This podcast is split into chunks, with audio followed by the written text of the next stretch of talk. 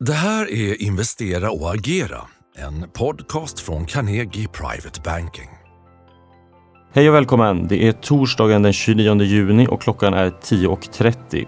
I dagens avsnitt av Investera och agera ska vi fokusera på aktiemarknaden. Vad betyder Riksbankens senaste räntebesked för börsen? Hur är utsikterna inför rapportperioden? Och var finns de bästa placeringsmöjligheterna globalt?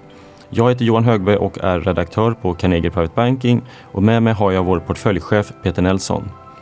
Peter, Riksbanken höjde styrräntan med 25 punkter för ungefär en timme sedan. Hur ser du på den här höjningen?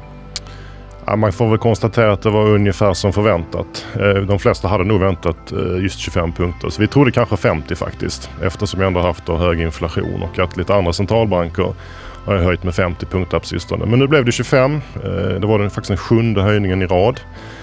Eh, det verkar inte vara några större reaktioner på marknaden eh, på det här beskedet än så länge i varje fall. Utan rätt stabila eh, marknadspriser. Man ska dock komma ihåg att de signalerar samtidigt att det kommer mer. Så att åtminstone ytterligare någon höjning till här ska man vänta sig under resten av året. Och jag tror den stora frågan är kanske egentligen var slutar det här till slut? Eh, snarare om det blir liksom 25 eller 50 nu, utan var slutar det här någonstans? Är det en höjning till eller, eller kommer det liksom ytterligare längre fram? Och det får ju då statistiken framåt visa helt enkelt. Mm. Fastighetsbolagen har varit i fokus under en längre tid och är väldigt pressade av den här snabba ränteuppgången. Hur slår ytterligare 25 punkter mot dem? Ja, men det är klart att det, det blir ju inte bättre. Eh, vi vet ju att fastighetsbolagen har det väldigt svårt med, med sin finansiering och det är ju delvis drivet av, av, av högre räntor. Så att just nu jobbar de här bolagen med att få ner sin skuldsättning, betala tillbaka lån. Då måste man ju sälja fastigheter. Vi ser ju en del sådana här spridda försäljningar. Samtidigt är det ju då många, som håller, eh, många säljare just nu, och kanske inte så många köpare. Så att eh, köparens marknad får man väl säga. Och, och, och, bolagen kan ju inte heller sälja till vilket pris som helst. Eh, för då påverkar det ju kanske värderingen av det befintliga beståndet. Så att ja, det, det är ett besvärligt läge helt enkelt. Bankerna verkar ju inte supersugna heller på att ta över mer exponering vad gäller finansieringssidan. Så att ja, nej, det, det, det är jobbiga tider. Samtidigt ska man komma ihåg att det är en sektor som är väldigt nerkörd. Jag tror ingen egentligen räknar med att det här liksom tydligt återhämtar sig i, i närtid. Men absolut, fler höjningar gör ju inte det bättre för fastigheterna. Nej. Eh, det talas mycket om en utländsk oro för svensk fastighetsmarknad och bostadsmarknad vilket möjligen också slår mot kronan och så. Eh, är det någonting du också märker av den stämningen och eh, hur agerar ni själva i fastighetssektorn? Nej men absolut, det märks. Vi, vi konsumerar såklart väldigt mycket media, även utländsk media och det skrivs ju mycket om det här. Många hänger upp sig då på att, eh, på att eh, det är en hög skuldsättning både i fastighetsbolagen men också bland hushållen och att det handlar just mycket om, om, om fastigheter. Och att många har då, både bolag och, och privatpersoner har ganska kort räntebindning så att de här höjningarna slår igenom då väldigt snabbt. Du nämnde kronan, det är väl en uppenbar faktor att till viss del har eh, den svaga kronan hänger ihop med den här oron som finns. Vi har ju i våra portföljer så är vi ju, har ju varit ganska försiktiga med fastigheter under längre tid. Så vi, då, vi är underviktade mot sektorn, det vill säga vi har mindre exponering än vad som ingår liksom i marknaden. Eh, I vår svenska portfölj har vi i dagsläget bara en fastighetsaktie, det, det är Balder. Den har också gått dåligt men vi tycker väl ändå att det är en, det är en av, de, av de, så att säga, ett av de bättre bolagen i den här jobbiga sektorn. Och på, på, på obligationssidan så försöker vi då hålla oss till de mer seniora obligationerna där man då har bättre säkerheter. Så att det är väl lite så. Så att vi spelar fortfarande sektorn ganska försiktigt. Samtidigt ska jag säga det att eh, många är ju, är ju försiktiga såklart eh, och ser den här uppenbara riskbilden. Så det, det, kan ju bli trångt i dörren när det här väl vänder. Det känns väl inte som att det kanske är just nu men, men, men eh, börjar vi få signaler om att, så att säga, finansieringsmarknaden blir bättre eller att, att räntetoppen är här eller någonting. Då skulle det kunna vända rätt snabbt. Det är nog många som skulle behöva liksom täcka undervikter då. Men återigen, vi tror inte riktigt att vi, att vi är där än. Nej, det ligger en bit bort. Ja. Eh, om vi blickar mot eh, nästa rapportperiod för, för börsen i stort så är den bara några veckor bort. Eh, vad är dina, liksom, din bild av utsikterna? Vi hade en ganska stark Q1-säsong.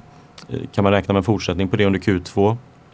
Ja, eh, jag tror nog det faktiskt. Som du sa, det var bra Q1 och det känns som att, att, att läget är lite grann detsamma fortfarande tycker jag. Eh, så att, eh, nu tror jag förvisso att det är väl många som tror det så att förväntningarna har väl då krupit upp lite jämfört med, med, med inför förra kvartalet. Men det känns ändå som att det är många bolag som fortfarande är i någon typ av så sweet spot. Där man då har lyckats genomföra stora prishöjningar och nu börjar då kostnaden faktiskt komma ner lite grann igen och då, då blir det väldigt bra marginal. Det var det vi såg i förra kvartalet. Så att det kan nog bli mer av den varan även i detta kvartalet. Och sen är det ju återigen, jag tror det kommer vara väldigt tufft fortsatt för liksom bygg. Vi pratade om fastighet redan och även en del av de här konsumentnära bolagen som har haft det jobbigt. Där fortsatte nog trenderna vara, att vara ganska risiga. Medan då å andra sidan verkstadsbolagen då gynnas av den här sweet spoten som jag nämnde plus den svaga kronan egentligen. Eller återigen, som ju, eftersom många har mycket export i sig så, så, så, så gynnas de av det. Och även bankerna tror vi kommer ha ett bra läge att rapportera fina vinster. Så jag tror det kommer likna rätt mycket hur det var under förra kvartalet. Sen kan man också lägga till i och för sig då att det har faktiskt kommit ganska många vinstvarningar redan. Eh, men när vi tittar på dem så känns det ändå som att det är rätt så bolagsspecifikt till olika anledningar. Inte att det är någon generell ny inbromsning i efterfrågan.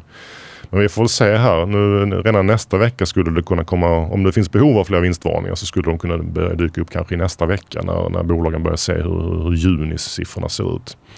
Så att, men ändå, jag tror generellt sett ska man nog förvänta sig helt okej resultat. Men förväntningarna har nu kryp, krupit upp lite jämfört med hur det var inför förra kvartalet. Mm. Om vi blickar utanför Sverige så i ert team, är det några speciella marknader som sticker ut som mer intressanta eh, på aktiemarknaden? Ja, vi tycker faktiskt det nu. Och det, det är ju Japan som kanske inte vi har pratat om sådär jätteofta tidigare och som är en marknad som ju kanske också har levt lite grann i det, i det fördolda under några år här. Men nu har det börjat röra på sig. Trenden är väldigt positiv om man tittar på hur börsen där beter sig. Den är jättestark. Eh, och det som är intressant med Japan är också att den fortfarande är ganska billigt jämfört med många andra marknader. Det har den förvisso varit under flera år. Men, men så den är fortfarande billig, har börjat röra på sig. De, de har ju lite annat läge. De, för dem är det faktiskt bra att även där nu inflationen har börjat komma upp. De har haft liksom deflation under väldigt många år. Men nu börjar inflationen komma upp lite grann. Vi tror att det ändå är positivt generellt sett. Och fortfarande är då räntorna mycket lägre där också. Så att man har inte samma konkurrensalternativ att investera i räntebärande som man har i aktier. Och sen börjar bolagen bli lite mer aktieägarvänliga. Det har också varit en sån här faktor som har saknats tidigare. Så det är liksom en cocktail av saker som gör att vi tycker att Japan just nu känns som en eh, som en intressant marknad faktiskt. Som vi har viktat upp i portföljerna och som vi tycker man kan ha med i en, i en, i en väldigt diversifierad portfölj. Mm. Om, om, man tittar på, vi har levt ja, drygt ett år nästan med lite så dåliga konjunktursignaler och så vidare. Och jag tycker i alla fall att jag läser en hel del om personalneddragningar, inte minst amerikanska bolag. Ser inte samma tendens riktigt i Sverige och så? Arbetsmarknaden är fortsatt stark. Vad är din bild? Är det någon liksom skillnad i hur bolagen agerar mot konjunktursignalerna?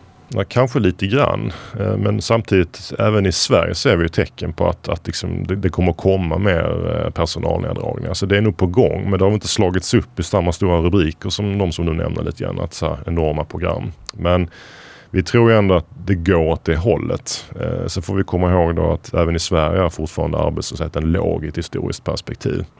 Så det, det, är ingen eskalering på något sätt. Men ja, mönstret är ju ändå att det, det kommer lite mer eh, personalneddragningar. Det, det borde komma och det bör komma. Och det här är ju faktiskt en viktig signal framåt, både i Sverige och globalt, att se vilken takt det här kommer att ha. För det kommer ju påverka konjunkturen om det skulle bli liksom stora, om, ja, om arbetslösheten helt enkelt stiger väldigt snabbt och kraftigt. Då, då kommer det få konjunktureffekter. Yes. Vi har lämnat den här nollräntemiljön nu ganska i, i ganska rask takt här med en snabb ränteuppgång och det har ju satt sina tydliga spår i de här spekulativa småbolagen där vi får se riktigt kraftiga kursfall och så vidare.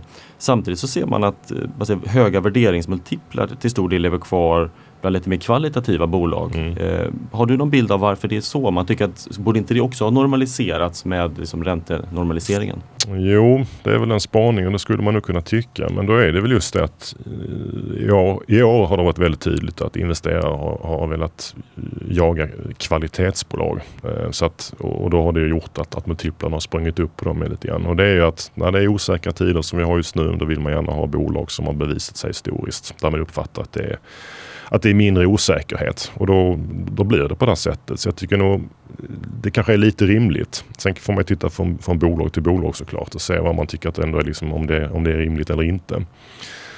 Men jag tror också det handlar om att, att de här kvalitetsbolagen, de bra bolagen, de oftast behöver inte ta in nya pengar. Det är ju en sak som man verkligen letar efter. Man vill inte investera i bolag som kanske behöver ta in nya pengar för det kan bli svårt och dyrt. Så jag tror det är, och sen så kan man väl lägga till också att många av de här bolagen som, som du nämner som har, har höga multiplar är nog bolag som rider på de här klassiska megatrenderna med, liksom, med elektrifiering, med digitalisering, automation. Och det är det som många jagar och som just nu går väldigt bra. Så jag tror det är det, det, är det som är anledningen. Men det är klart att man kan säga att risken har ökat något i den här typen av bolag. När nu återigen multiplarna är väldigt höga och, och samtidigt som räntorna fortsätter liksom att ticka uppåt. I, USA så talas det mycket om att det är en dålig bredd i uppgången. Det är ett fåtal, framförallt techbolag, som, som leder uppgången. Eh, ser man någon liknande mönster i Sverige tycker du?